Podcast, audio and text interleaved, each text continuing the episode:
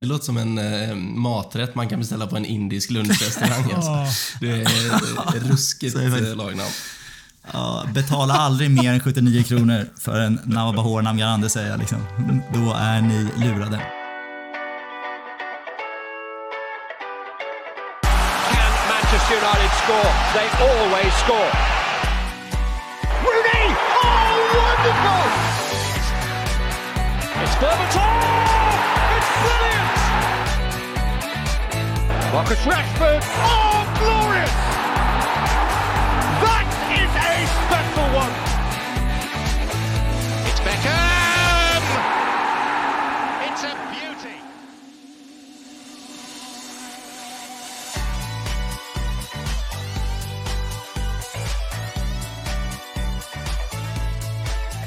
God morgon, förmiddag eller kväll. När du än lyssnar ska du känna dig extremt välkommen till ett nytt avsnitt av United-podden. Podcasten som du inte visste att du längtade efter.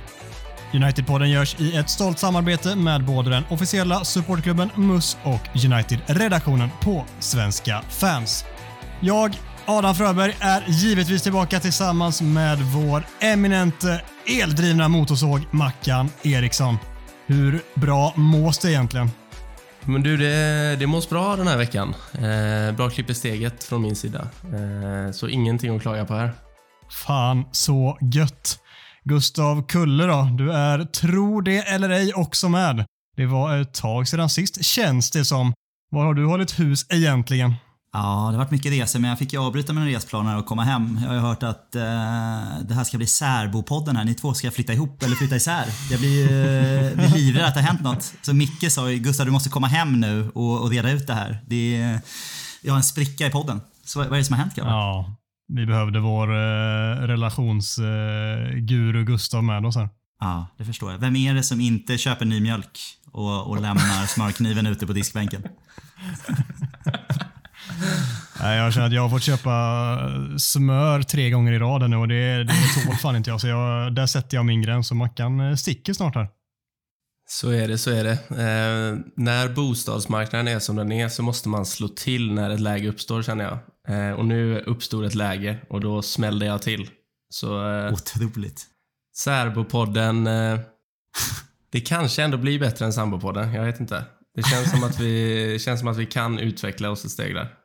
Jag tror att detta stärker oss Mackan. Vi bara växlar upp härifrån. Så är det. Men eh, Gustav, du kommer inte så lätt undan. Du har väl eh, lite content att bjuda på eller? Du för- försökte glida ryktas i lite. alla fall om att du har varit i, och härjat i Afrika en sväng.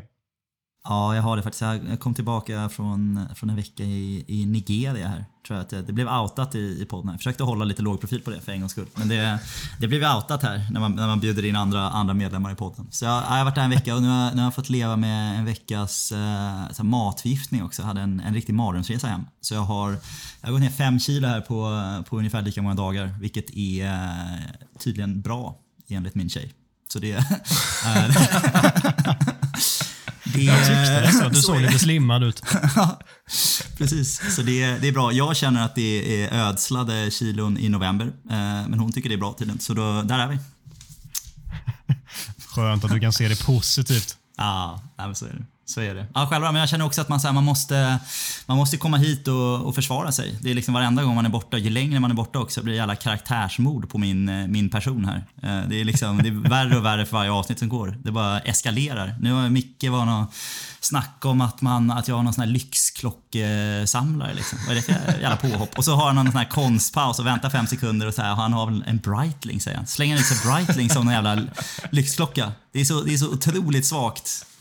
Det är så, det är så stark jävla liksom, eh, förortsmäklare på, på Breitling-klockan så jag vet inte vad, jag vet inte vad Micke tänker där, men det passar honom. Så, jag känner jag måste komma hit och, och försvara er, er klockfantaster där ute. Att eh, United-podden står inte för att Breitling skulle vara någon otrolig lyxklocka här som är värd en fem sekunder konstpaus för att presentera. Vad, vad, kör, vad kör du för något då? Eh, nej, men jag, det är ännu lyxigare att inte köra klocka. Nu faktiskt. Det, har blivit, det är ett statement i sig. Liksom. Men, eh, men hade man kört något lyxigt då hade det varit något, eh, jag vet inte, en Audemars PG eller Vacheron Constantin eller en Patek eller någonting. Men en Breitling slänger man inte ut i, United-podden här. Så det ska han ha skit för mycket. Ruska namedroppingen här. Ja, du klev i alla fall in och försvarade dig ordentligt som du utlovade. Som jag gjorde. Vet ni vad jag har gjort eh, i helgen då? Det har ju varit två dagar sedan nu.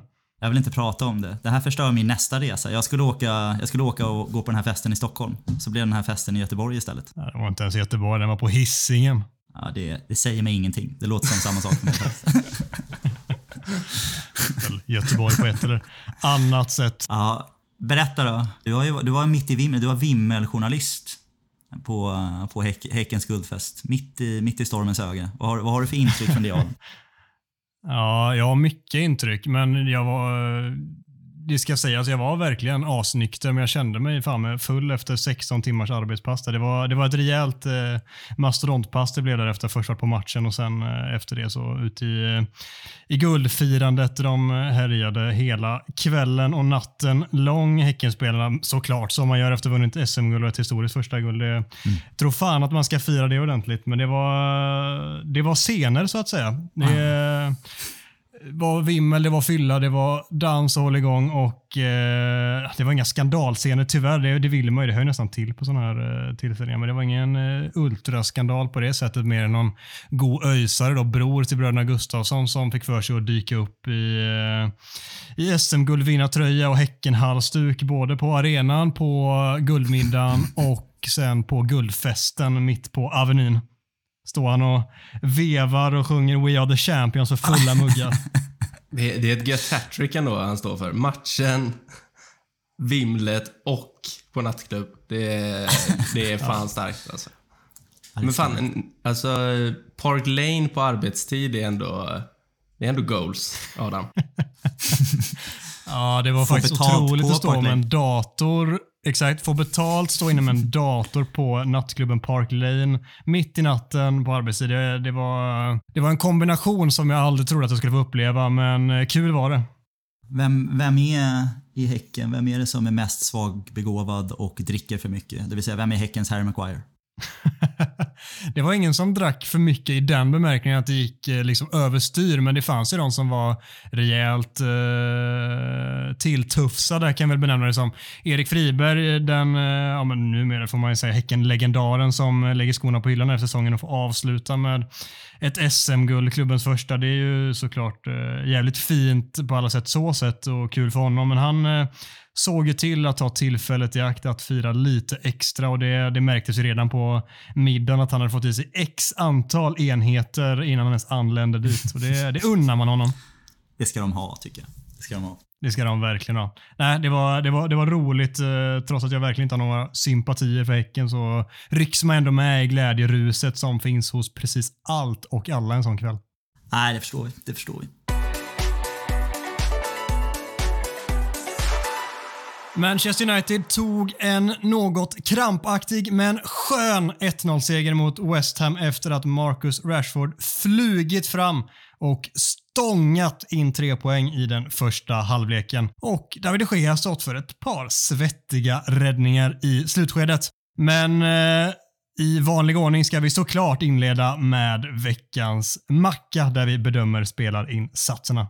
Det här, det här börjar bli eh, både roligt och lite svårt. Det, det känns nästan som att det blir svårare när United är bra. Eh, så det, det är kul. Förra året var det så jävla enkelt. Då var det bara att såga 95% av laget varje match och så kanske en liten god småhyllning till det Gea. Eh, men eh, andra tider nu. Eh, så jag, tänk, jag tänker vi hoppar in i eh, vem som var bäst enligt mig då. Och det, det finns ändå några kandidater. Jag väljer mellan eh, Dalot, Luke Shaw och ändå alltså kanske inte hans bästa match, men Casemiro är så jävla viktig. Eh, så det står mellan de tre för mig och jag väljer eh, Dalot. Jag, jag tycker att han går från klarhet till klarhet. Hans defensiva spel är i stort sett felfritt de senaste matcherna och visar även att han är duktig i huvudspelet flera gånger mot West Ham. Eh, räddar oss väl vid två situationer, tror jag det är, när Antonio är ruskigt nära på att eh, komma först på bollen. Eh, så Dalot, ruskigt imponerad igen och eh, han var man of the match enligt mig. Håller du med om det Gustav? Eh, ja, men lite halvt. Jag tyckte eh, jag var också beredd att sjunga med i Dalot hyllning, hyllningskör här. Han har varit fantastisk. Jag tycker att det kan vi kanske djupdyka ännu mer i. Både han och Luke Shaw har varit en riktig ytterbackrenässans här senaste veckorna framförallt. När, eh, det var lite, Luke Shaw har ju något sån här framförallt att när, när det kommer in konkurrens så det var ju samma med Telles. Och så kommer Malassia in nu och ser ut som att han har tagit den platsen och vi har väl någon talk of the town-punkt någon gång när vi pratar om att nu kommer inte Luke Shaw tillbaka in eller han får inte tillbaka sin plats. Liksom. Och så bara han, börjar han liksom gnugga igång den där gamla fina formen när han var vår bästa spelare. Här. För jag kan, kommer inte ens ihåg vad det var, det två säsonger sedan eller tre säsonger sedan. När ja, jag två leder upp till EM där då han är så otroligt bra. Då han är typ världens bästa vänsterback, känns som. Uh, och han har ju det i sig. Så det, men även Dalot, vilket jävla, vilken jävla resa han har gjort från att ha varit supermedioker. Men jag har, jag har trummat på det här hela tiden. Liksom. Ett organiserat försvarsspel gör ju att spelare ser väldigt, väldigt mycket bättre ut. Och ett oorganiserat framförallt gör att de ser dåliga ut. Men det jag skulle säga var att jag tycker att Fan, de Gea kan inte göra så mycket mer än så här utan att vara bäst på plan. Jag hade, jag hade nog gett den till de Gea ändå. Jag tycker att han är, eh, är otroligt viktigt när han gör såna här räddningar. Vi, vi ger honom så mycket skit så jag hade ändå gett eh, de Gea ettan eh, den här matchen tror jag. Av principskäl så ger ju inte jag de Gea ettan. Det, det vet ju du Gustav. jag vet ju det. Jag Hans vet största det. kritiker. Nej, men äh, jätte, jättebra insats av de Gea. Framförallt då med de här skotträddningsegenskaperna som vi alla vet att han har. Det är ju inte där som något problem ligger och när han väl får den typen av matchbild som det blir i slutet så vet vi att han kan vara matchavgörande. Och, och det är han i det här fallet. Sen ska vi ju såklart inte eh, underskatta den som gör matchens enda mål också. Det är ju ganska väsentligt om man ska ta tre poäng att göra mål och sättet som Marcus Rashford gör det på är på ett sätt som jag typ aldrig har sett honom göra mål innan. Alltså på huvudet på det sättet. Eh, vi har ju sett honom bomma, var det Newcastle hemma, han har bommat ett bra nickläge i slutet. Eh, den är inte så jävla självklar på skallen, men här är det som att han, det finns ingenting annat än att bollen ska in. Han tar liksom sats och bara dunkar sig förbi och trycker in bollen i nättaket på ett sätt som jag inte sett honom göra innan. Och det, det bör lyftas. Med det sagt så är han inte bäst på planen, men han, eh, han eh, börjar verkligen tugga igång nu, Marcus Rashford, till den där riktigt bra fotbollsspelaren som vi vet finns där inne. Så han vill jag lyfta lite extra också. Ja, det känns, det känns som det var Ronaldo och Chichaditos kärleksbarn som flög fram där. Alltså. Det, är liksom, ja, faktiskt. Det, är liksom, det var länge sedan man såg en sån jävla kanonkula bara flyga fram och, och nicka in ett mål. Så det var, äh, vackert.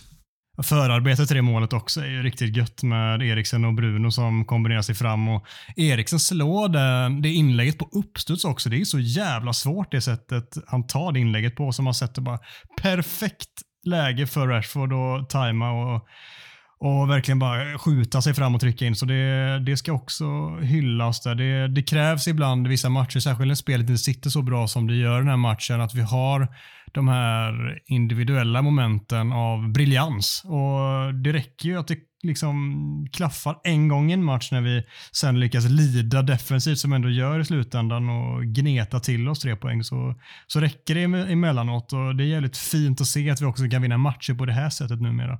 Så eh, nu har vi kommit långt i våra snacket om Dalot men eh, för att knyta, knyta an till det Mackan så, så kan jag stötta det valet av eh, Dalot. Mycket också för att han kanske har förtjänat Eh, ja, man har tjänat ihop till det senaste tiden.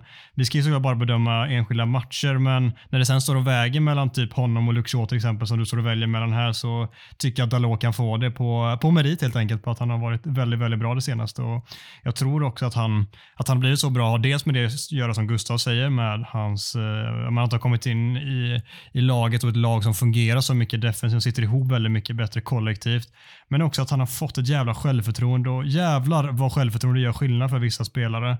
Dalot ser ut som en helt annan spelare när han har fått spela konstant. Han vet att det är han som kommer spela. Han har bara vuxit med uppgiften match efter match, blivit lite bättre varje match och till slut nu spelar han på en sån nivå som är liksom, ja men hittar ni, hittar ni två eller tre bättre högerbackar i ligan? Jag vet inte om vi gör det nu i år alltså. Jag tror inte det.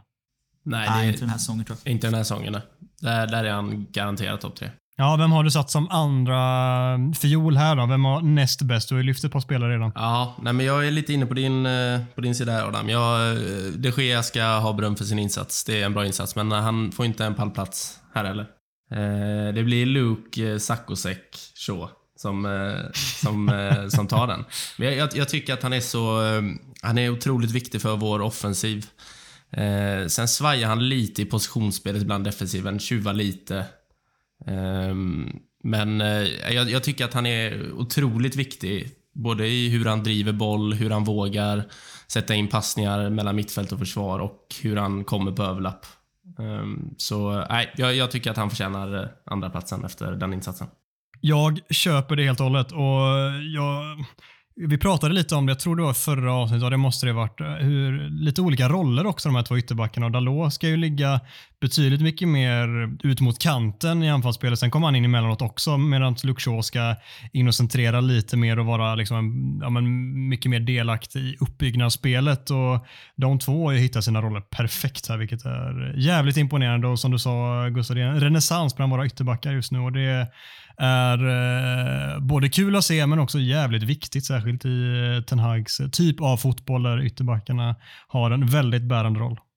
Nej, jag tycker framförallt det är kul att se hur de växeldrar just den där, den där speluppbyggnadsrollen och den ena går in och faller in i en defensiv mittfältsroll. Och det är ju, jag vet inte, lite känns, ja, det, ja, det ångar lite lillebror när vi sitter och är imponerade av det här som Pep Guardiola gjorde för fem år sedan med Manchester City liksom. Men det är ändå, det är vackert när det funkar liksom. Det är det. Du ska som alltid tvingas välja någon som måste höja sig. Vem blir det den här veckan? Det här var inte svårt. Uh, eh, det, det, blir Cristiano Ronaldo. För uh, alltså Jag skrev i våran, eh, i våran lilla poddchatt här efter typ 35 minuter att uh, han, är, han är en av de sämsta anfallarna jag har sett på länge. Och alltså det är klart att det är skrivet lite i affekt, men hans... Eh, det, lite i affekt, ja.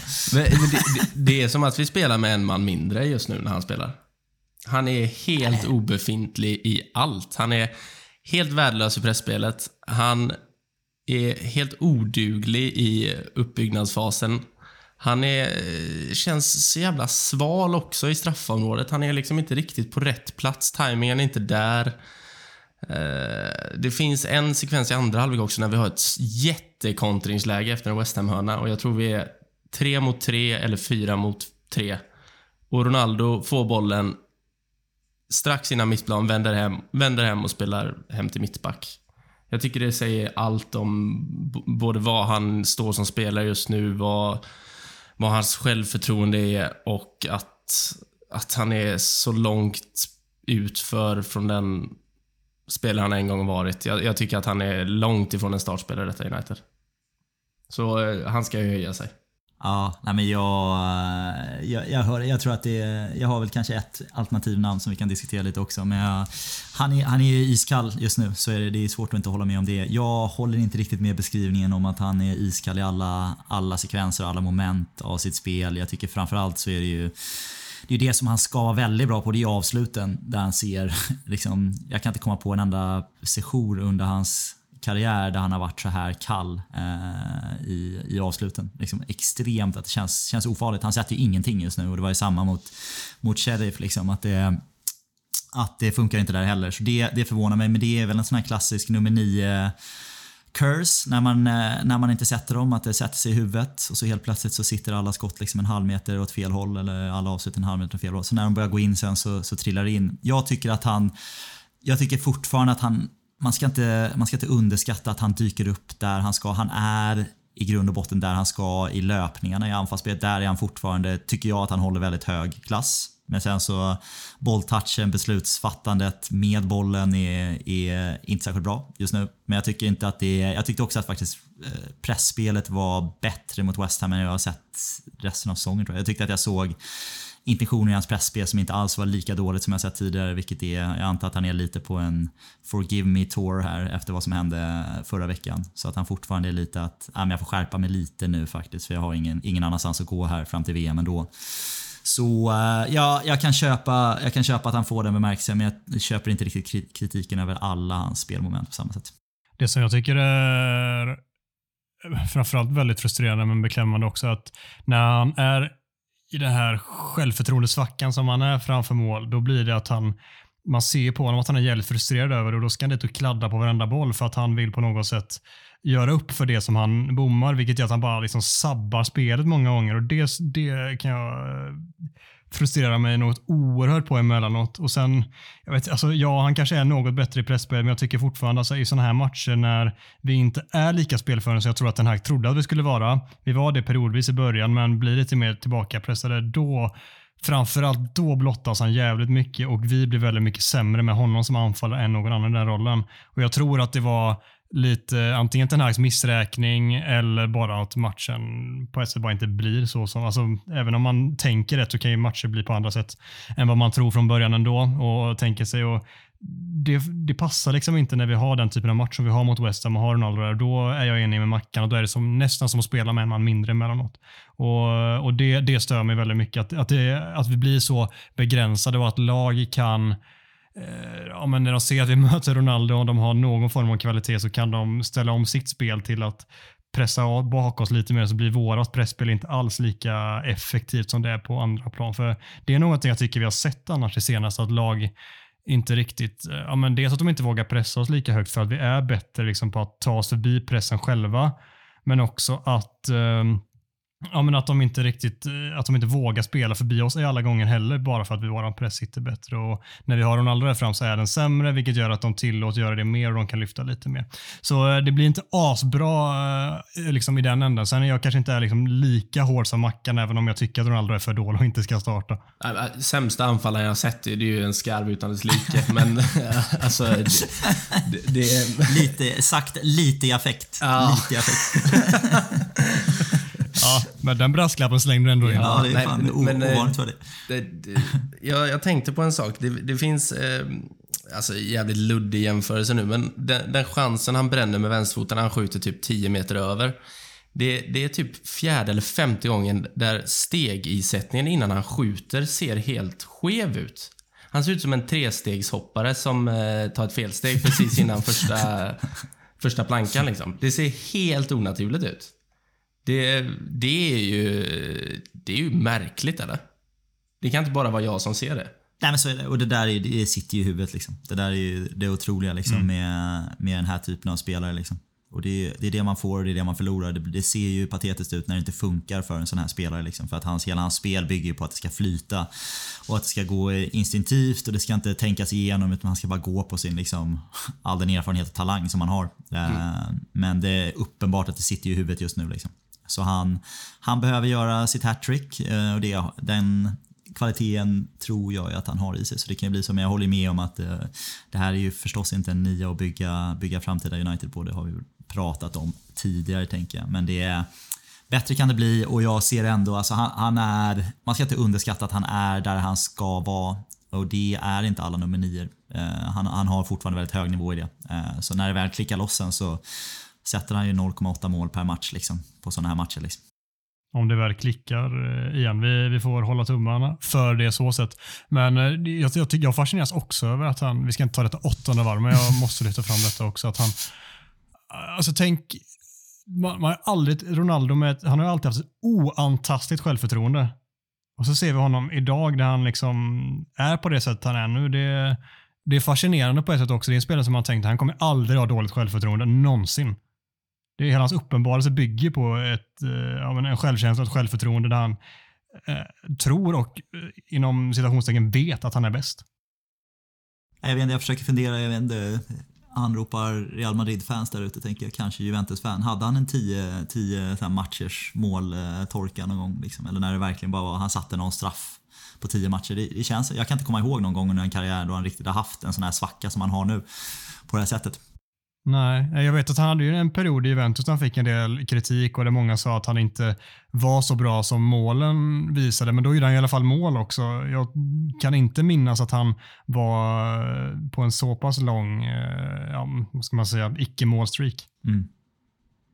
Men jag, ja just det, Nej, men jag, jag hade ett alternativ där men jag tycker ändå att eh, Harry Maguire ska få lite skit i varje avsnitt. Jag tycker inte att, eh, jag tycker inte att han var särskilt bra. Jag tycker att match, matchbilden på något sätt spelade honom lite i händerna men jag tyckte att han såg riktigt svajig ut i en timme och sen sista halvtimmen så fick han stå och nicka bort tegelstenar, vilket passar honom lite. Men det, det, jag tyckte inte han var bra. Jag tyckte han, han kunde lika gärna ha fått en eh, Cristiano Ronaldo ut utmärkelsen från min sida. Ja, jag, jag, tänkte, jag tänkte faktiskt säga det. Men hade, hade matchen varit slut där efter 60 minuter, då hade han ju varit uppe och nosat. Men han har ändå det blocket på Bowens avslut. Han eh, vinner en del nickdueller, så jag tycker ändå han är godkänd, men första, första timmen är ju... Ja, det, är, det är fan dåligt. Ja. Alltså så jävla svajig ut. Där snackar vi också självförtroende. Liksom, att han är ju inte... Och det kan man ju förstå om man ska vara lite snäll mot honom också. Så han får ju extremt mycket skit. Det där, är inte, det där kan ju inte vara kul. Det börjar ju gå in i typ vuxenmobbingnivå liksom på vilken typ av press han, han får på sig. Liksom. Så det, och det kan ju inte vara lätt förstås. Men det, uh, han spelar ju lite därefter nu, tyvärr. Ja, ja, och sen första matchen på ett tag efter skada. Det, det går att hitta lite, lite ursäkt att det ser ut som det är, men jag håller med. Det är ju inte, det är ju inte någon eh, Rafael Varan vi ser där ute på långa, långa vägar. Nej, verkligen inte. Om vi ska prata lite mer om matchen lite kort bara. Vad, alltså, det, det, är ju något tuffare match, en något tuffare match spelmässigt för oss när vi kommer från en period med, ja, med imponerande spelmässiga insatser. Hur, hur går tankarna om det? Vi kan börja med dig Gustav. Nej, men jag tycker inte, inte jätteförvånad. Jag tycker ändå att det, det syns att vi är ett ungt lag i form av att så här, det, här, det här är väldigt mycket i början på Ten Hag-resan och det säger han väl själv också. Och jag, så här var det ju, det var lite så här med Solskär också att det, det är lättare att göra imponerande insatser mot bollförande starka lag för att det är liksom, matchbilden är ganska tydlig eh, på förhand. Men det är de här matcherna där man förväntas och driva spelet där det blir tuffare och där man blir mer blottad i hur långt man har kommit på sin, sin resa jämfört med sina motparter i ligan. Så jag är inte jätteförvånad. Eh, utom jag tror att det kommer se ut så här egentligen mer eller mindre hela säsongen. Men det ska väl bli lite, lite bättre för varenda tio matchers liksom, session vi utvärderar och känna att vi, vi tar steg framåt. Men det är, det, är en, det är en mellansäsong vi har på så sätt att det är mycket, mycket nya spelare, en helt ny tränare, en helt ny filosofi. Väldigt mycket som ska byggas om. Så jag tror att det får man ha tålamod med. Men däremot så är det ju det är natt och dag när det gäller eh, inställning och attityd. Uh, och det ser man ju, det är, det är nog det jag tar med mig mest från det här. Att vi ändå krigar igenom och vinner den här matchen. Jag tycker ändå på något sätt så vinner vi välförtjänt om man tittar på, på krigarinsatsen vi gör. Uh, så jag, jag tycker att det finns väldigt mycket positivt att ta med sig här men förstår att rent, mm. rent taktiskt och tekniskt så har vi, vi har jättemycket kvar. Jag tror vi, vi får lite mer poäng än vad vi egentligen kanske, kanske ska ha. Om man tittar på hur, lång, hur långt den här säsongen har gått. Ja, kanske. Eh, det som jag tycker är, alltså, eller tänker framförallt är att om detta plötsligt börjar bli vår lägsta nivå så har vi kommit en bra bit på vägen samtidigt också. Om eh, en, eh, en sämre match av oss innebär att vi ändå gör 1-0 och sen kan lida till oss en seger och ta tre poäng så är ju det eh, ett jävla styrkebesked jämfört med vad vi har varit de senaste åren också, där vi snarare kan fallera fullständigt därifrån. Så det tar jag med mig framförallt. Jag vet inte hur du känner Macka, men vad säger det egentligen att vi kan lida till och segra på det sättet? Jo, jo men mycket. Alltså, jag, det finns ju inte en chans i världen att vi hade vunnit den här matchen förra säsongen. Liksom. Det, det hade ju blivit... Eh, 1-1 hade vi nog fått vara nöjda med förra säsongen. Eh, men sen också West Ham är fan, de är alltid... Vi var inne på det i förra veckans avsnitt. Alltså de är ett väldigt tråkigt fotbollslag om man kollar rent objektivt. Liksom. De, har, de har en snittlängd på 1,93 och gillar att uh, kasta långa bollar på två stora anfallare. Liksom. Och så har de David Moyes som tränare. Det, det kommer alltid bli tufft mot sådana lag. Uh, och uh, Jag vet inte, jag jag, håller väl med er i vad ni säger eh, mycket, men jag känner mig ändå ganska inställd på att det skulle bli så här också. Så jag är inte förvånad. Vi har också pratat om det tidigare. Det, här, det kommer ju också vara så mycket den här säsongen. Jag säger inte att detta är per automatik ett steg bak, men det kommer vara två steg fram och ett steg bak väldigt mycket både detta året och förmodligen även nästa år också. Men att vi hela tiden då blir bättre obviously.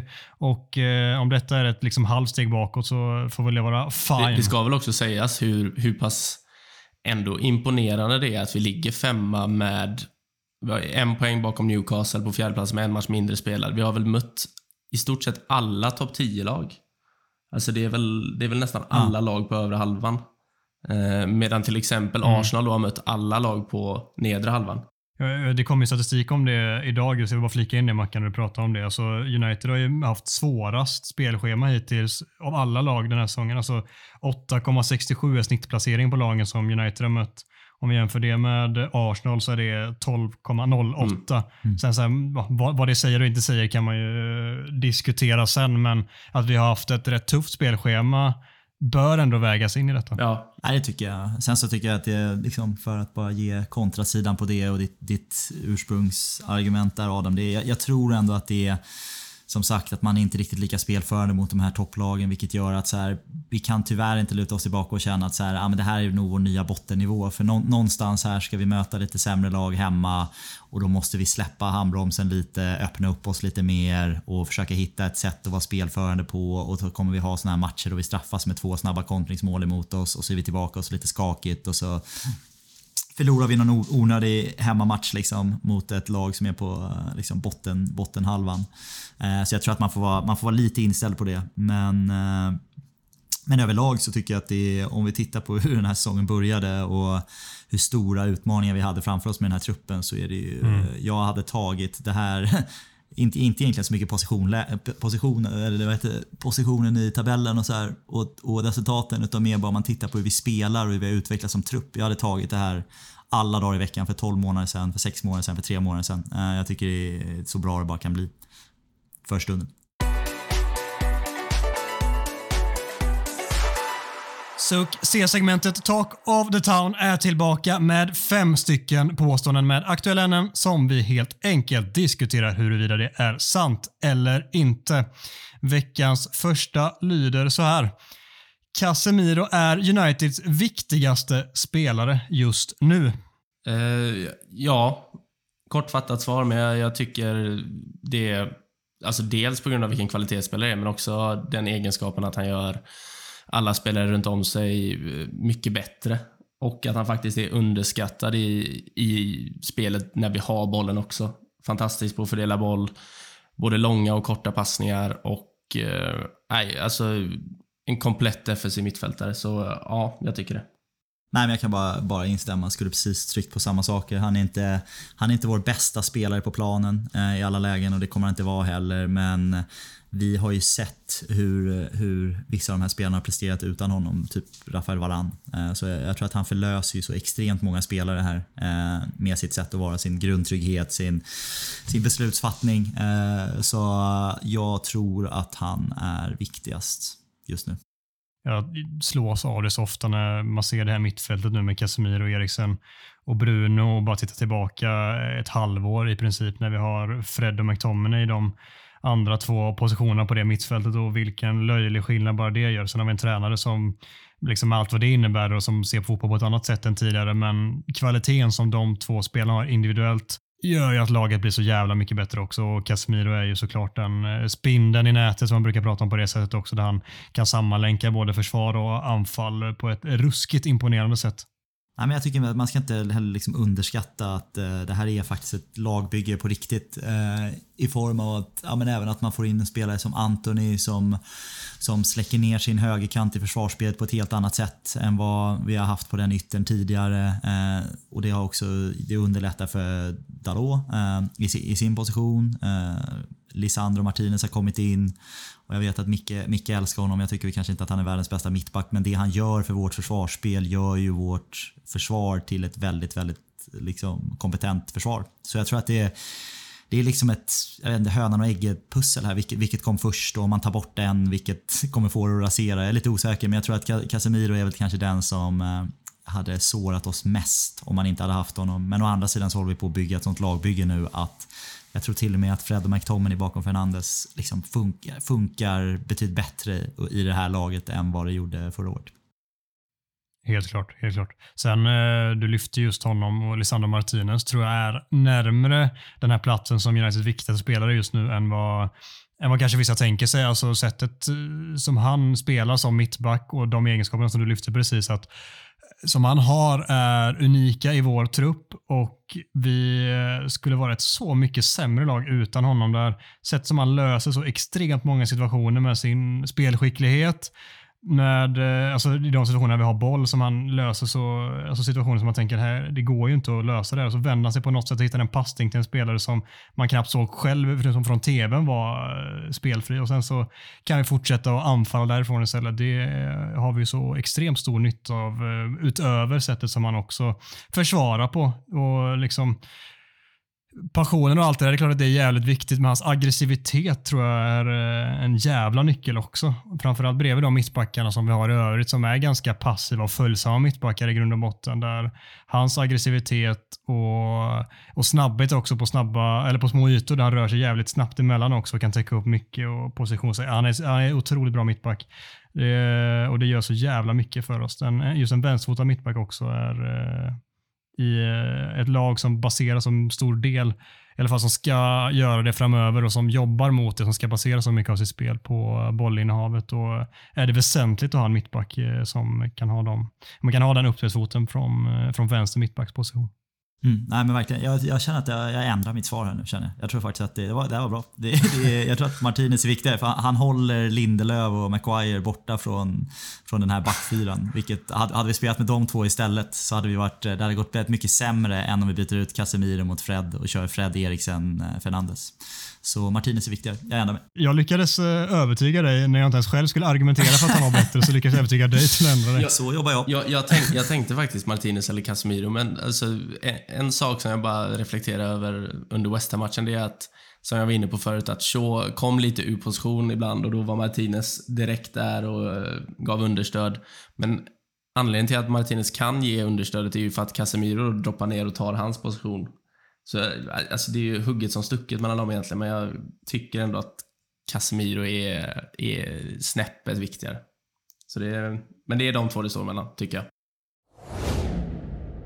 Cristiano Ronaldo är tillbaka i värmen igen. Behåll honom säsongen ut.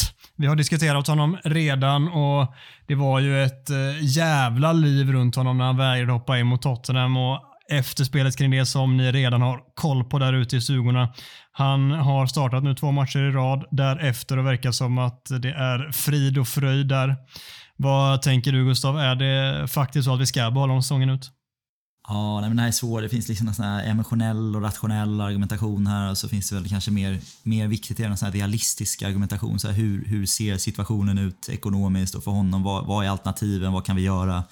Ja, det har väl alla märkt som har lyssnat på den här podden genom åren. Jag, jag tycker att han har väldigt hög nivå i sig. Inte världsbäst nivå. Han har liksom, även under United så har han haft världsklassnivå på på avsluten under, under period. Inte just nu, det vet vi att han går igenom och en förmåga av att vara matchvinnare, att dyka upp när det, när det gäller. Och det, det är en egenskap som jag inte tycker att man ska förringa. Eh, men eh, det är klart att om, om det bara vore svart eller vitt här om man kunde spela som Championship manager så han, han är ju inte en bricka i det här lagbygget någonstans utan det handlar ju på något sätt bara att rädda, rädda hans rykte, inte förstöra för det här laget samtidigt som han sitter ut ett kontrakt här för det finns ju inte, en, inte ett scenario i världen där hans kontrakt förlängs efter den här säsongen. Det vet ju, vet ju alla oavsett hur mycket mål han gör. Eh, vilket gör att det handlar ju bara om att ja, ska vi Ska vi ha kvar honom fram till säsongsslut här, eh, att det blir ett värdigt avslut för honom och att truppen och laget kan fortsätta växa. Eh, eller hittar han en ny lösning redan i januari. Eh, finns det en ny lösning för honom redan i januari så tror jag att det är bättre. Eh, men jag ser inga jag, jag, tycker inte att han är ett sånt pass stort problem. Eh, nu har jag varit stökig här, absolut. Men jag tror inte att över hela säsongen, när vi tittar tillbaka på den här säsongen, att han kommer vara ett genomgående stort problem uh, fram till sommaren. Så jag ser inget problem med att ha kvar honom till sommaren och tror att han kommer tillföra en hel del uh, om vi har kvar honom. Så eh, om jag tolkar det rätt, för dig handlar det om vi får ett, eh, ett anbud som, ja, men där han kan gå någonstans, då, då får jag släppa honom. Annars så gör det ingenting om han blir kvar säsongen ut. Ja, nej, det är ju liksom mer om han får ett anbud. Jag tror att vi har väl redan, redan blottat att vi inte tänker ta några pengar för honom och nu sitter han inte så långt kvar nej, på kontraktet. Visst, så det handlar mer bara, är det någon som vill ta 600 000 pund i i veckan eller 500 någonting vad det är. Eller om vi ska betala halva det för att han ska hamna i ett Napoli eller någonting, vad vet jag liksom. Men det är väl eh, det är väl frågan att jag tar ju nästan det också tror jag. Jag betalar nog 200 000 pund i veckan för att han går, och, går till Napoli eller någonting istället. Eller Sporting Lissabon eller någonting. Mm. Vi behöver inte ta det åttonde varv till som jag nämnde förut. Jag, korta svaret, gör vad vi kan för att bli av med honom i januari. Och eh, det grundar egentligen på hela sättet som han har betett sig på och anledningen som du säger också att han, han är inte en viktig spelare för oss just nu och kommer inte vara det i framtiden heller. Då tror jag det är bara bättre liksom cut the tie så fort vi bara kan och är det möjligt att göra det i januari, gör det. Ja, nej, jag, jag instämmer bara. Jag har inte mycket att tillägga där. Ja, det är här du går in och försvarar Ronaldo. Det är, det är här man känner att det är nu, det är nu narrativet vänder. Han har byggt upp den här fasaden i ett års tid, hatet mot Ronaldo, men här går han in. Nej. Det, alltså, det, fin, det finns ju bara ett problem, att han, eller ett, det finns väl en del problem, men det, det stora problemet med att, eller om han skulle lämna i januari, det, det är ju att då står vi ju där igen med en, en anfallare i truppen och eh, det är Martial och hans eh, Eh, han kan man ju inte lita på uppenbarligen med skadehistorik och allt. Eh, så trots det så lutar jag ändå åt att fan, bli av med honom går så får vi lösa det på något vänster. Det gör vi väl. Det blir väl en Elanga eller Garnacho eller något. Ja, ja. funkar väl. Ja, så kan Rashford spela lite centralt när det behövs. Även om inte det är optimalt så ser jag fortfarande det som ett bättre alternativ. Harry Maguire är tillbaka i laget. Han borde gå före Lindelöf i rangordningen. Mackan sitter och skakar på huvudet. Vad betyder det Mackan? Vi Vad snackade menar om detta det? förra veckan. Jag, jag tycker inte det är en diskussion alltså. Jag, jag tycker verkligen att han är... Alltså så dålig som jag har uttryckt att jag tycker att han är. Jag tycker verkligen att han är så dålig. Och eh, 30 halvbra minuter mot West Ham kan inte få mig att tycka annat. Liksom. Det, ska, det ska fan till 30 matcher av eh, dugliga insatser för att jag ska ändra den, eh, den synen på situationen. Så nej, han ska inte gå före Victor Lindelöf och han ska fan knappt gå före Toan Seba alltså. Även om Toan Sebe typ går på kryckor eller vad han Han gör. är förmodligen snabbare än. Maguire ändå, skulle jag tro. Troligen så. Hur ser du på detta Gustav? Du har ju faktiskt inte fått uttrycka dina tankar och åsikter i frågan. Nej, det kanske jag inte har. Jag vet inte. Det känns som att jag lyst igenom det också någonstans. Jag är inte heller någon stor fan av Maguire. Men jag tycker på något sätt så glömmer man, eller vi glömmer ofta bort i den debatten, hur bra han var i ganska många matcher när han kom. Eh, och fram, fram till det där EMet för, för England. Så det är ju inte det är ju inte som att man, alltså man vet ju om att det finns en nivå i honom som är, är bra. Liksom. Eh, han gjorde ju en väldigt bra första säsong för United. Så däremot så tror jag att problemet där han är nu, som jag sa här, och om jag försvarar honom lite, all skit han får och får, får ducka för, för här är att han behöver 15-20 matcher, eh, spela varje match och känna förtroende för att bli den spelare som för att få ut all sin potential, vilket inte är så jävla mycket till att, till att börja med. Men den potential han har som ändå är, gör någonting ganska duglig mittback. Eh, och medan jag tror att Lindelöf kan komma in och göra det okej. eh, fem, fem, sju matcher. Inte jättebra, men, men okej. Så jag tycker att Lindelöf ska stå, stå före. Men i mitt, alltså jag, jag tycker att man väljer mellan två dåliga ting på riktigt. Jag sa det lite skämtsamt när, äh, ja, inte helt skämtsamt, när eh, äh, bara han skadade sig att nu är det nu eller aldrig för Phil Jones. Jag känner ändå att så här, jag hade liksom, hellre, hellre sett än liksom, ja, fan, ge honom tio matcher och se vad han har i sig. Liksom. Jag, är lite, jag, jag har sett tio matcher med Maguire, jag har sett tio matcher med Lindelöf. Liksom. Jag vet på ett ungefär vad man får av dem nu. Liksom. Ge, ge Phil Jones 10 matcher istället. Nej, jag håller med. Jag tycker det är som att välja liksom två, två dåliga ting i grund och botten. Och ska jag vara helt ärlig så tycker jag ju att i grund och botten så är Maguire en bättre mittback än Lindelöf, men där de två båda är just nu med allt som finns kring Maguire, allt liksom där som du säger, där han får så jävligt mycket skit överallt och av alla, där man märker att det påverkar så extremt mycket. Jag tror det är sån, väg, sån lång väg upp från därifrån att det det, det blir för svårt helt enkelt och då är det tryggare och enklare och eh, förmodligen också i slutändan det bättre valet att köra på Lindelöf här ifrån framöver. Sen skulle det vara intressant att se, eh, eller kommer det bli intressant att se hur Erik Ten Hag resonerar här för jag är inte säker på att han kommer göra på det sättet. Jag, jag tror att han tycker om Maguire mer än, än vad nog många tror. För jag ska, nu ska vi inte dra detta ett åttonde varv också, men det, det framstår ju som att jag tycker att Victor Lindelöf är en mycket bättre mittback än Harry Maguire och i grund och botten så är han inte en mycket bättre mittback än Harry Maguire. Men bara saker som jag reagerar på som kanske inte är så försvarsspels... Eh, alltså det, det är inte Maguires försvarsspel jag kan irritera mig på och tycka förstör för United. Alltså varje gång han har bollen så tar han sex eller sju touch. Alltså det spelar ingen roll. Och det, alltså, vi, vi spelar så mycket långsammare i backlinjen och eh, uppbyggnadsfasen varje gång Harry Maguire spelar.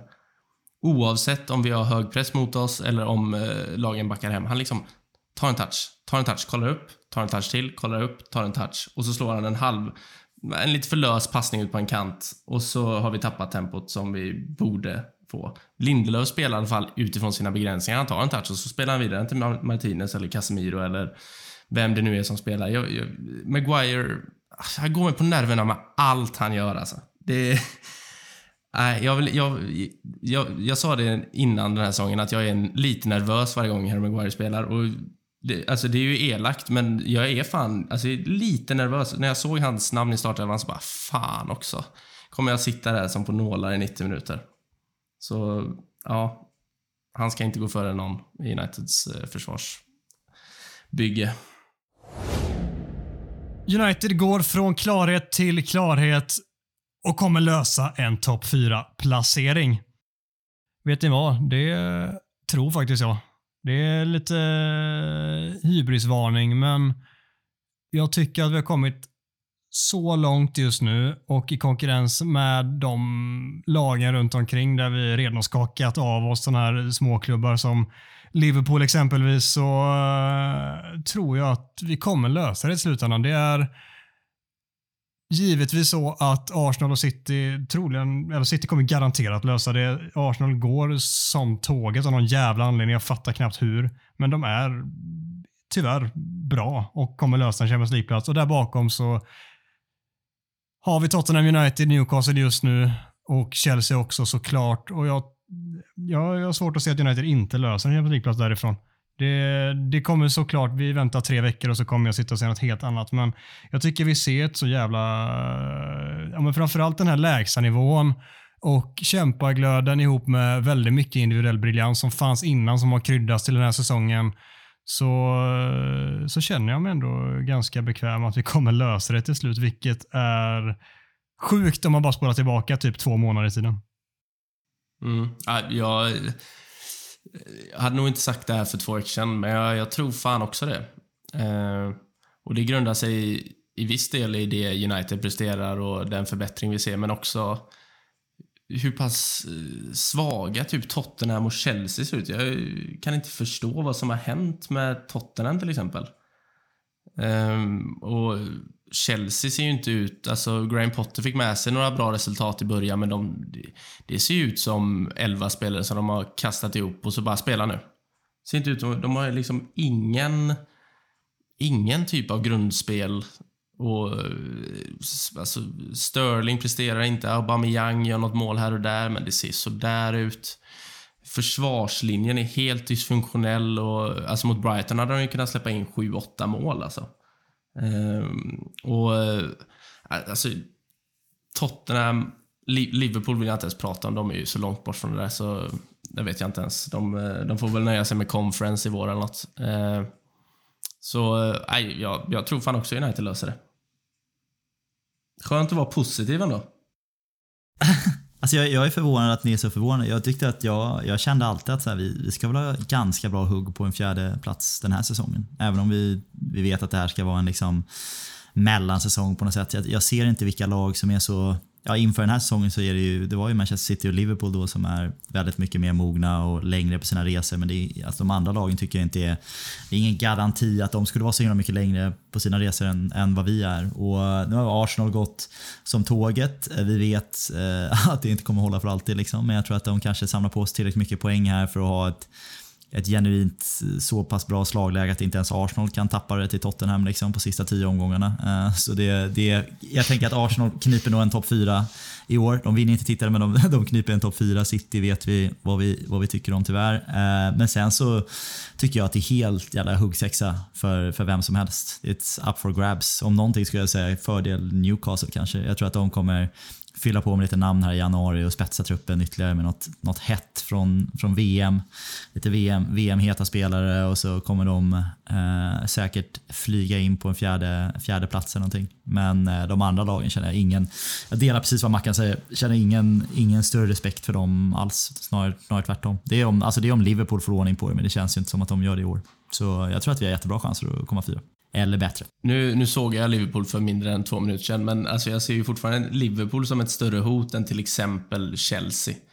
Eh, jag har ändå sett en del matcher med Chelsea det senaste. Det ser, det ser inte bra ut. Jag, jag tycker att deras lagbygge som ja, deras fotbollmanager-ägare stod för i somras, det, alltså, det är ju väldigt konstigt. Alltså. Det, är, det är liksom ingen spets och 18 försvarare. Jag vet inte vad de vill uppnå riktigt. Men eh, ja, nej, men det blir kul med Champions League nästa år igen. Kan vi slå fast här och nu. Michael Carrick, näste man till rakning. Ingen Sir Alex Ferguson-adept kommer någonsin bli riktigt framgångsrik som tränare. Nåväl Gustav, det är du som har pillat in denna, så ta täten.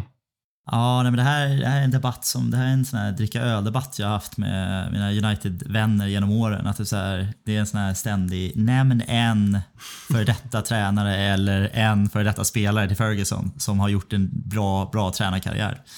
Och så blir det långa, långa liksom tankestunder och eh, diskussioner och så kommer liksom aldrig riktigt fram till någonting. Eh, jag vet ju att det finns, det finns ju ett par namn här, jag kan väl nämna dem som har gjort okej. Okay. Men det är ju om man tittar på jag såg någon statistik här, det rör sig ändå om typ 40 spelare. Det är fan otroliga siffror. Alltså 40 spelare som är, har varit tränare på elitnivå eh, som har varit spelare under, under Sir Alex Ferguson. Eh, så det är allt från liksom Captain Fantastic Brian Robson och de här gamla Steve Bruce och Mark Hughes i den, den första vevan till förstås hela Class of 92, Giggs och Neville och Scholes och Roy Keane-generationen med Japp Stam eh, som var i Reading och nu är han väl i USA och så Van Nistelrooy som nu är lite spännande i PSV. De är ju ändå hack i häl i Ajax men det är ju väldigt nytt liksom. Eh, Solskär förstås som vi, som vi vet mer än vad vi vill av kanske. Eh, men även lite smalare namn som typ så Andrei Kanchelskis som tränade Navabahor Namgaran i uzbekiska superligan här. Och då vet jag att ni alla, ni alla sitter och tänker, hur fan går det för Navabahor Namgaran i uzbekiska superligan just nu? Det kan jag säga, oavgjort i helgen 1-1 och de ligger trea. Men eh, det gick inte så bra för Kanchelskis där heller. Så uh, hade du något du ville fylla på där med uzbekiska superligan eller Mackan? Jag kände att du satt på någon... Du sitter och hoppar på stolen där, att du har fakta du vill, vill fylla på. Äh, ja. Har du en 3 plus anekdot från Uzbekistan? Nej, vad, vad hette laget igen? Vad hette, vad hette laget? Eh, vad fan du sett det för? Navabahor Namgaran. Navabahor Namgaran. Det, det, låter som en, eh, det låter som en uh, maträtt man kan beställa på en indisk lunchrestaurang. Alltså. Det är ruskigt lagnamn. Ja, betala aldrig mer än 79 kronor för en Navabahor Namgaran, det säger jag liksom. Då är ni lurade. Nej, fy fasen alltså. Det är, nej, jag vet inte, tappa, tappa, jag hade någonting där tror jag. Men det är, nej men, jag hittade, ni hörde ju namnen här lite. Jag vet att ni bara tänker på Uzbekistan nu, men om vi tittar på namnen jag sa här tidigare, det är liksom inget, ingen som riktigt har lyckats här alltså. Det är faktiskt ingen som har lyckats här. Ja, Laurent Blanc är den bästa jag kan hitta. Han, han vann ligan med Bordeaux och PSG och var i landslaget. Han vann ett par, par liga, eh, men han körde två säsonger i United och det känns som att han var mer bra i United trots Sir Alex Ferguson än att på grund av Sir Alex Ferguson. Så det känns inte som att det är någon länk där i övrigt. Så ja, eh, jag vet inte vad frågeställningen vad vi sa att den var nu då, om Carey kommer misslyckas. Nej, men jag tror att Carey kommer misslyckas. Dels för att jag tycker att han var en väldigt habil fotbollsspelare. men även... Nej, skojar, det ska inte, där ska vi inte hamna. men... Eh, Passar dig. också där är någon jävla felreferens från Micke. Ni får för mig att jag drog in honom i... Eh, vad var det? Att jag drog in honom i... Eh, att han inte fick vara med i bästa elvan efter Ferguson. Det var tvärtom. Han, han var lagkapten i floppelvan efter Ferguson. Så var det. Tvärtom. Så var det. Så ännu mer. Fel, fel referens. Men, eh, nej jag vet inte, men, men vi kör en sån här eh, skål, och här har ni en öl liksom. Vad har ni för tränare eller, eller för detta spelare som har gjort det bra då? Som har varit i Ferguson? Nej, men ingen. Eh, din, din, ditt påstående är alltså att ingen Sir Alex Adept kommer någonsin bli riktigt framgångsrik som tränare. Och det är såklart vad är riktigt framgångsrik etc, etc. Men jag tror att om det är någon så är det Carrick som, som kan det och det är fan det sista hoppet förmodligen. Nummer, det, nummer 41. Jag vet inte vem. Nummer 41. Ja, ja men exakt. Det vem annat liksom. Nej, men och det är nog mycket för att han inte är lik någon av de andra som folk liksom har slängt fram som potentiella tränarämnen i typ vad fan folk kan ha sagt i Rooney, Ferdinand, Roy Keane, vad fan folk har sagt inom åren, jag har ingen aning. Mm. Men där tror jag att Carrick är den som potentiellt faktiskt kan bli den som är allra bäst för att han är så olik alla dem på alla sätt och vis. Han är aldrig den som har velat stå i, i centrum till att börja med. Det säger väl någonting om att liksom när folk sjöng hans namn så var det för att, för att han var Paul Scholes. Alltså, it's hard to believe it's not Scholes, går han. Just det. Oh, just och eh, ja, det, är liksom det, det är den ramsan som finns om honom. Det, det är att han, att han nästan är Paul Scholes. Uh, och det tycker det säger en hel del. Liksom, att han är väldigt, väldigt, annorlunda. Han är en jävligt tänkande person och spelare. Sen behöver man inte vara en bra tränare för det. Men jag, jag, det var någonting under de matcherna som han basade över United och sättet som han har fört sig som utbringar någon form av trygghet som ändå gör att jag tänker att om det är någon så är det han. Med det sagt så är jag inte säker på att han kommer bli en riktigt framgångsrik tränare. Men eh, jag tror att han nog fan med när vi tittar tillbaka kommer vara den som har varit bäst. Så. Man hade ju lite förhoppningar på eh, Rooney ändå. Eh, tyckte att det var ett smart karriärsval att ta över Darby där och han gjorde det faktiskt bra med ja, ingenting att jobba med. Men sen att gå tillbaka, vända tillbaka till MLS och DC United där han spelade, det känns ju bara helt... Jag fattar ingenting. det är så, jävla, det, det är så Rooney i ett nötskal att han är liksom, han är ju inte, han är ju ingen hjärntjuv. Det är han ju inte i sin beslutsfattning. Det var han inte som, det var inte som spelare också. Men det att liksom, han, han är för Derby, så jävla hett tränarämne där helt plötsligt. Är väl, mm. blir väl ringd av Everton. Mm när de letar ny tränare. Ja, liksom. Tackar nej, tackar nej för att nej, men jag känner mig inte riktigt redo för det. Och jag känner så här, han moget ändå. Nu ska det bli intressant att se hans nästa karriärsteg. liksom, DC United. och, så, och så går jag till DC United. Och på något sätt så blir jag så här, varför blir jag förvånad liksom? Det är så jävla Wayne Rooney, bara skrivet rakt över det. Ja. Otroligt roligt. Ja, nej, jag, ja. Nej, det, det, är väl Phil Neville då som, eh, som eh, kanske får klassas som framgångsrik då. Han har ändå haft damlandslaget va? i England. Ja, gick det för honom Nej, det, var, Han vann väl ja, och nu, nu är han väl i Beckhams klubb där. Det går väl eh, förmodligen sådär. Jag har fan ingen aning. Han är, just det. Gary Nevilles eh, Valencia-session då? Har du inte den Jo, fantastiskt. Tog han en poäng på 13 matcher? Nej, det var nog inte riktigt så dåligt, Nej. men typ. Kan vi konstatera, liten sån här spoiler på vilka vi, vilka vi möter här. En tränare som hade ett ännu sämre track record än, än Gary Neville. Vem kan det ha varit? Du sätter så pottkanten. Som är ganska, det är lite, lite, lite aktuellt. En som hade ännu sämre, jag tror att det var win record i och för sig, som är någon sån här under 33 procent eller vad fan han, han hade i Valencia. Vem hade ett ännu sämre record? I Valencia? Eh, nej, en, en tränare bara. Eh, Gerard eller? På tap tapeten. Ja, Steven Gerrard hade faktiskt ja. ännu sämre statistik i Aston Villa än vad eh, Gary Neville hade i Valencia. Och jävlar vad väntat det var. ja, otroligt. Ja. ja. nej men jag, jag, inte, jag, inte jag, jag, vill tro att Carrick har någonting men allting talar ju för att det kommer bli kattpiss liksom. Eh, så ja. jag, jag, jag, jag, jag kör på Gustavs spår här. Jag, jag tror fan det skiter sig. Det är bara, det är skrivet i stjärnorna. Jag sätter min tro till Carrick. Ja, jag tycker ändå vi ska, ska köra ett varv och lite så här, varför funkar det inte då? Det är ju helt otroligt med så här många alltså, duktiga fotbollsspelare som också är extremt bra, alltså det är ju intelligenta fotbollsspelare. Väldigt många intelligenta fotbollsspelare. Vad är det som gör att det inte funkar för, för de här spelarna att bli tränare? Fan, har vi nämnt Steve Bruce eller? Han, han, han kom tidigt där lite i den här Brian Robson, Steve Bruce. Steve Bruce var ju, nej men han är väl nog också där uppe och hugger. Mark Hughes var väl också, hade ju liksom kanske säkert 10 Premier League-säsonger känns som, Steve Bruce. Så han har, han har varit okej. Okay. Ja, han har varit okej, okay, men det är liksom toppen. Det, det ja, och han är väl fortfarande någonstans, tänker jag. Ja, Steve, Steve Bruce eller Mark Hughes? Eh, Steve Bruce, ja de är väl någonstans, men jag tänker just att de jobbar som tränare. Steve, Bruce fick ju kicken av West Brom nyligen, så om han är på topp tre så tycker jag ändå att eh, nivån är satt. Alltså ribban är väldigt låg. Uh, ja. Nej, men det är liksom samma med tränarämnena. Så du har Steve McLaren, och Carlos Queiroz, och René Mullenstein och Mike Phelan. Som, han kan ju faktiskt köra båda. Då. Han har ju varit både assisterande och för detta, för detta spelare. Liksom. Ja, det... Så det, är så här, det, det går igenom. Var, varför liksom? Uh, skitsvårt alltså. Jag, jag vet inte. Du, du har säkert grubblat på detta som att du har suttit med dina polare och druckit öl och snackat detta mm. nätterna långa. Men jag, spontant har jag fan inget bra svar. Du får jättegärna lägga ut din text så får vi se om vi håller med eller inte. Man är en sån här skön kille när man så bara ställer en fråga som man bara så här, fråga mig, fråga mig, fråga mig. Exakt så Ja, jag har en idé där. kul, kul, kul att du frågar Adam. Kul att du frågar. Ja, nej, men så här tycker jag.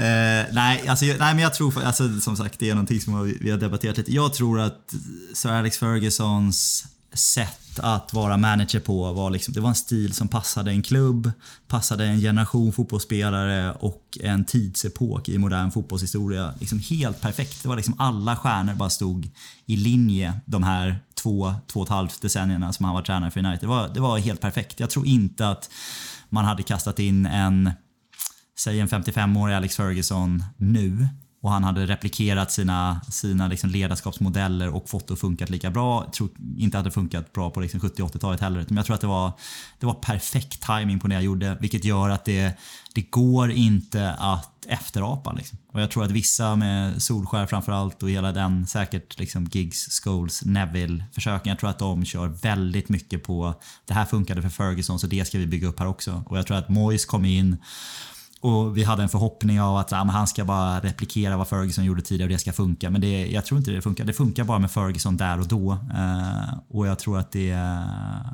att det liksom gagnar inte spelarnas ledarskapsutbildning att ha sett det på början av 2000-talet och tänka att så här, men det ska jag lära mig av och det ska jag ta med mig i mitt nya ledarskap här 2022 eller, 20, eller senare. Liksom. Så det är min, det är min gissning.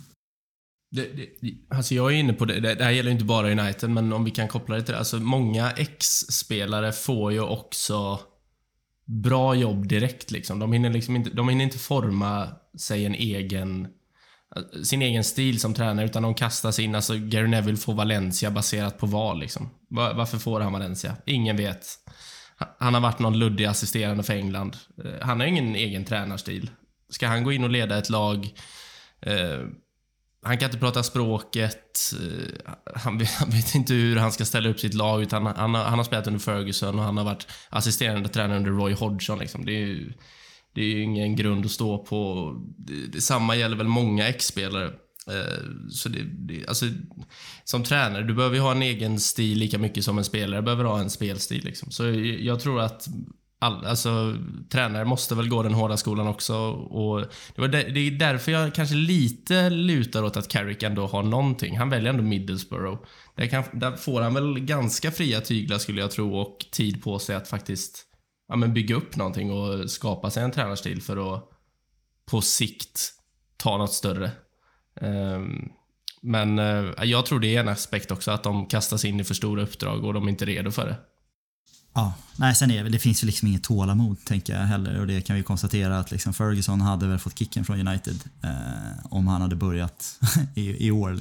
I år liksom. Och haft, han hade inte fått så många år eh, utan, utan tydliga framsteg. Eh, som han fick innan det blev som det blev. Så det, det är väl en del. Men då kan man ja, kanske kan konstatera att det är ändå typ André Kanchelskis var något på banan när han signade upp för Navavahor Namgaran. Att det, han började ändå på liksom en bra, bra nivå. Det var där Gary Neville skulle ha gått. Han skulle ha gått till Uzbekistan och gett ett försök. Att han inte fattar bättre. ja. ja, så är det.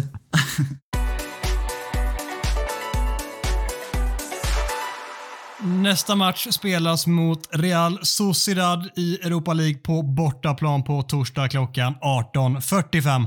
Vi ska inte säga mer än ett par korta ord den här veckan heller. Så vad säger din spåkula den här gången Mackan? 2-0 United. Fan vad gött. Du träffar ju riktigt gött senast måste vi flika in också samtidigt. Om jag, om jag inte är helt ute och cyklar så satte jag båda resultaten. Ja, det kanske du gjorde. Jag minns att du sa 3-0 mot Sheriff. Sa du även 1-0 mot uh, West Ham? Jag, jag sa 1-0 mot West Ham, 2-0 om Martial spelar. Just det. Så, det är... nej, otroligt. Det är once in a lifetime, Mackan. Ja, det, det, det är 2-0 och gruppvinst på torsdag och så slipper vi den här trötta 16-delen eh, i februari eller när de ska spelas. Det hade varit ja. gött. Ah snabb sheriff-referens här. BT Sports-kommentatorn körde en väldigt inövad replik när vi ledde med 3-0 att United shot the sheriff but they get to, or their deputy to Real Sociedad. Den var så jävla att den, den, den haltade så det bara skrek om den. Alltså. De försöker dra in en Bob Marley and the Wailer-referens där, men den är, den är ett plus. Alltså. Den flög inte alls. Det vill jag ha sagt. Jag tycker, nu känner jag, nu, bara hoppar vi, men jag vill prata lite om Antonys snurrfinter mot Sheriff. Kan vi inte få in det någonstans? Jo, du kan få lägga 30 sekunder på det och lägga ut din korta text. Ja, vad kul att du frågar Adam. Ja, nej men jag tänkte så här att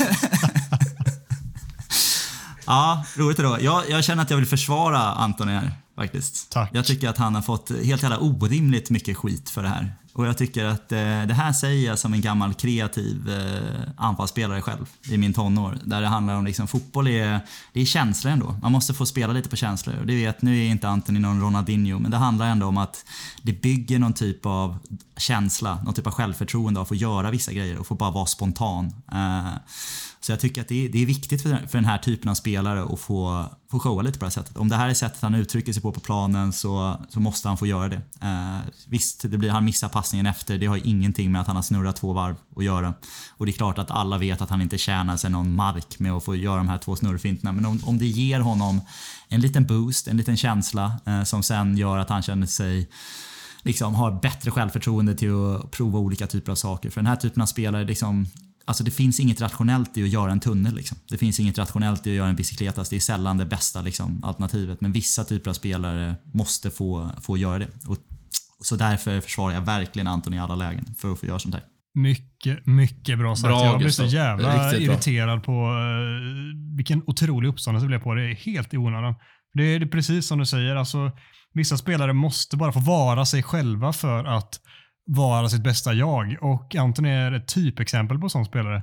Om han behöver snurra trots att det inte ger honom någon fördel i just det spelmomentet, så låt honom göra det. För det kommer garanterat göra, om han känner sig bättre av det, så kommer han ju förmodligen då kunna pilla in en boll i krysset liksom från ingenstans för att han faktiskt har det självförtroendet efteråt. Det är, folk tänk, tänker ju inte längre än näsan räcker emellanåt och det stör mig något oerhört. Så bra att du kliver in här och drar en lans för vår fina, kära Anthony. Det gör jag. I nästa PL-match väntar Aston Villa på bortaplan på söndag klockan 15.00. Här har du en riktigt god motståndarkoll, Gugge. Som man har kört. Alltså det där Gugge, det där kommer du behöva klippa bort sen i postproduktionen. Det har jag sagt. Det där, det där kommer vi aldrig, det där kommer vi aldrig låta sätta sig alltså. Det ska lyssnarna veta där ute.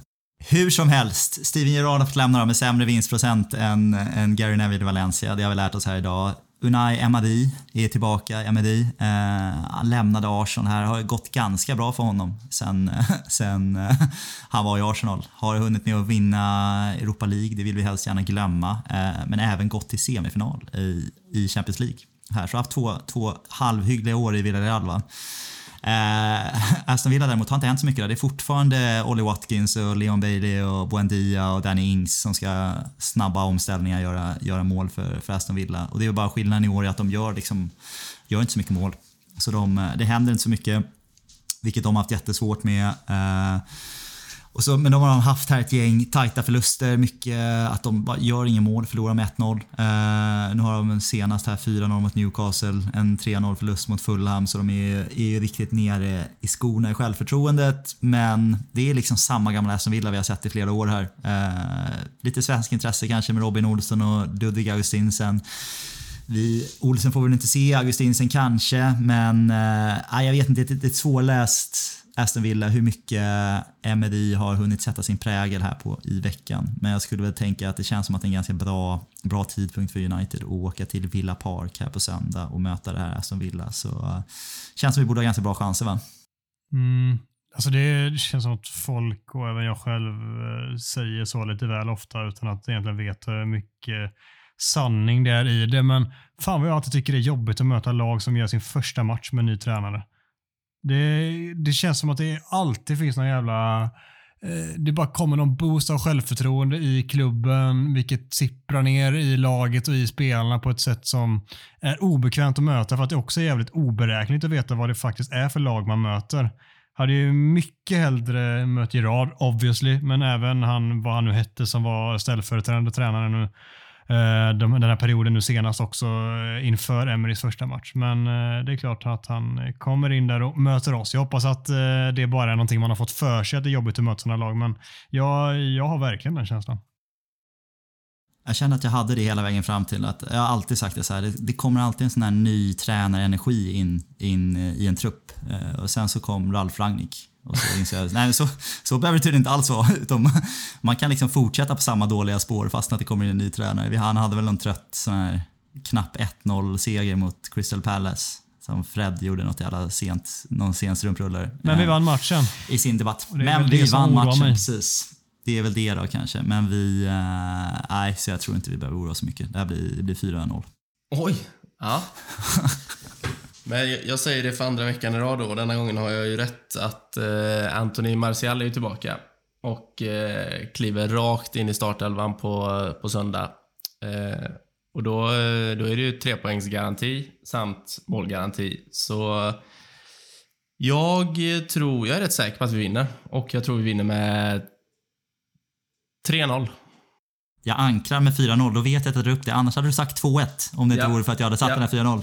Så är det. Så funkar det i livet. Ja. Ja, ja. Om du säger 4-0 Gustav, Mackan säger 3-0 och så är väl jag 2-0 då.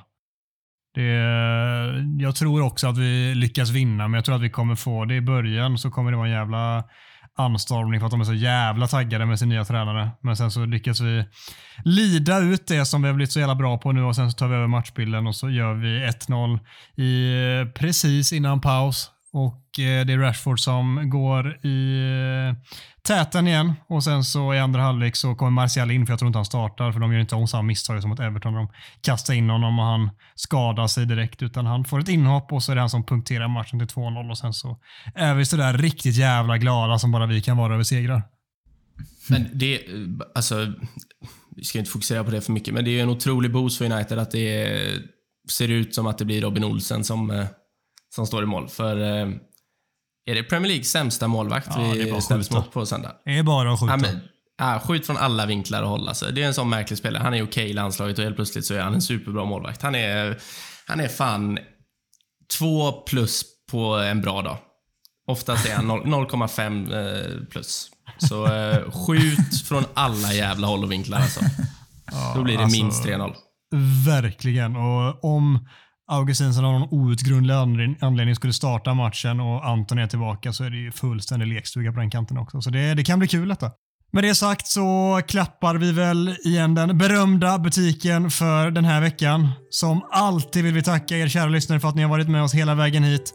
För att ni fortsätter skicka in så välslipade ämnesförslag. Och så tackar vi väl också Gustav och Marcus för två plus insatser. Tack som fan för att ni har lyssnat. Vi hörs igen nästa vecka.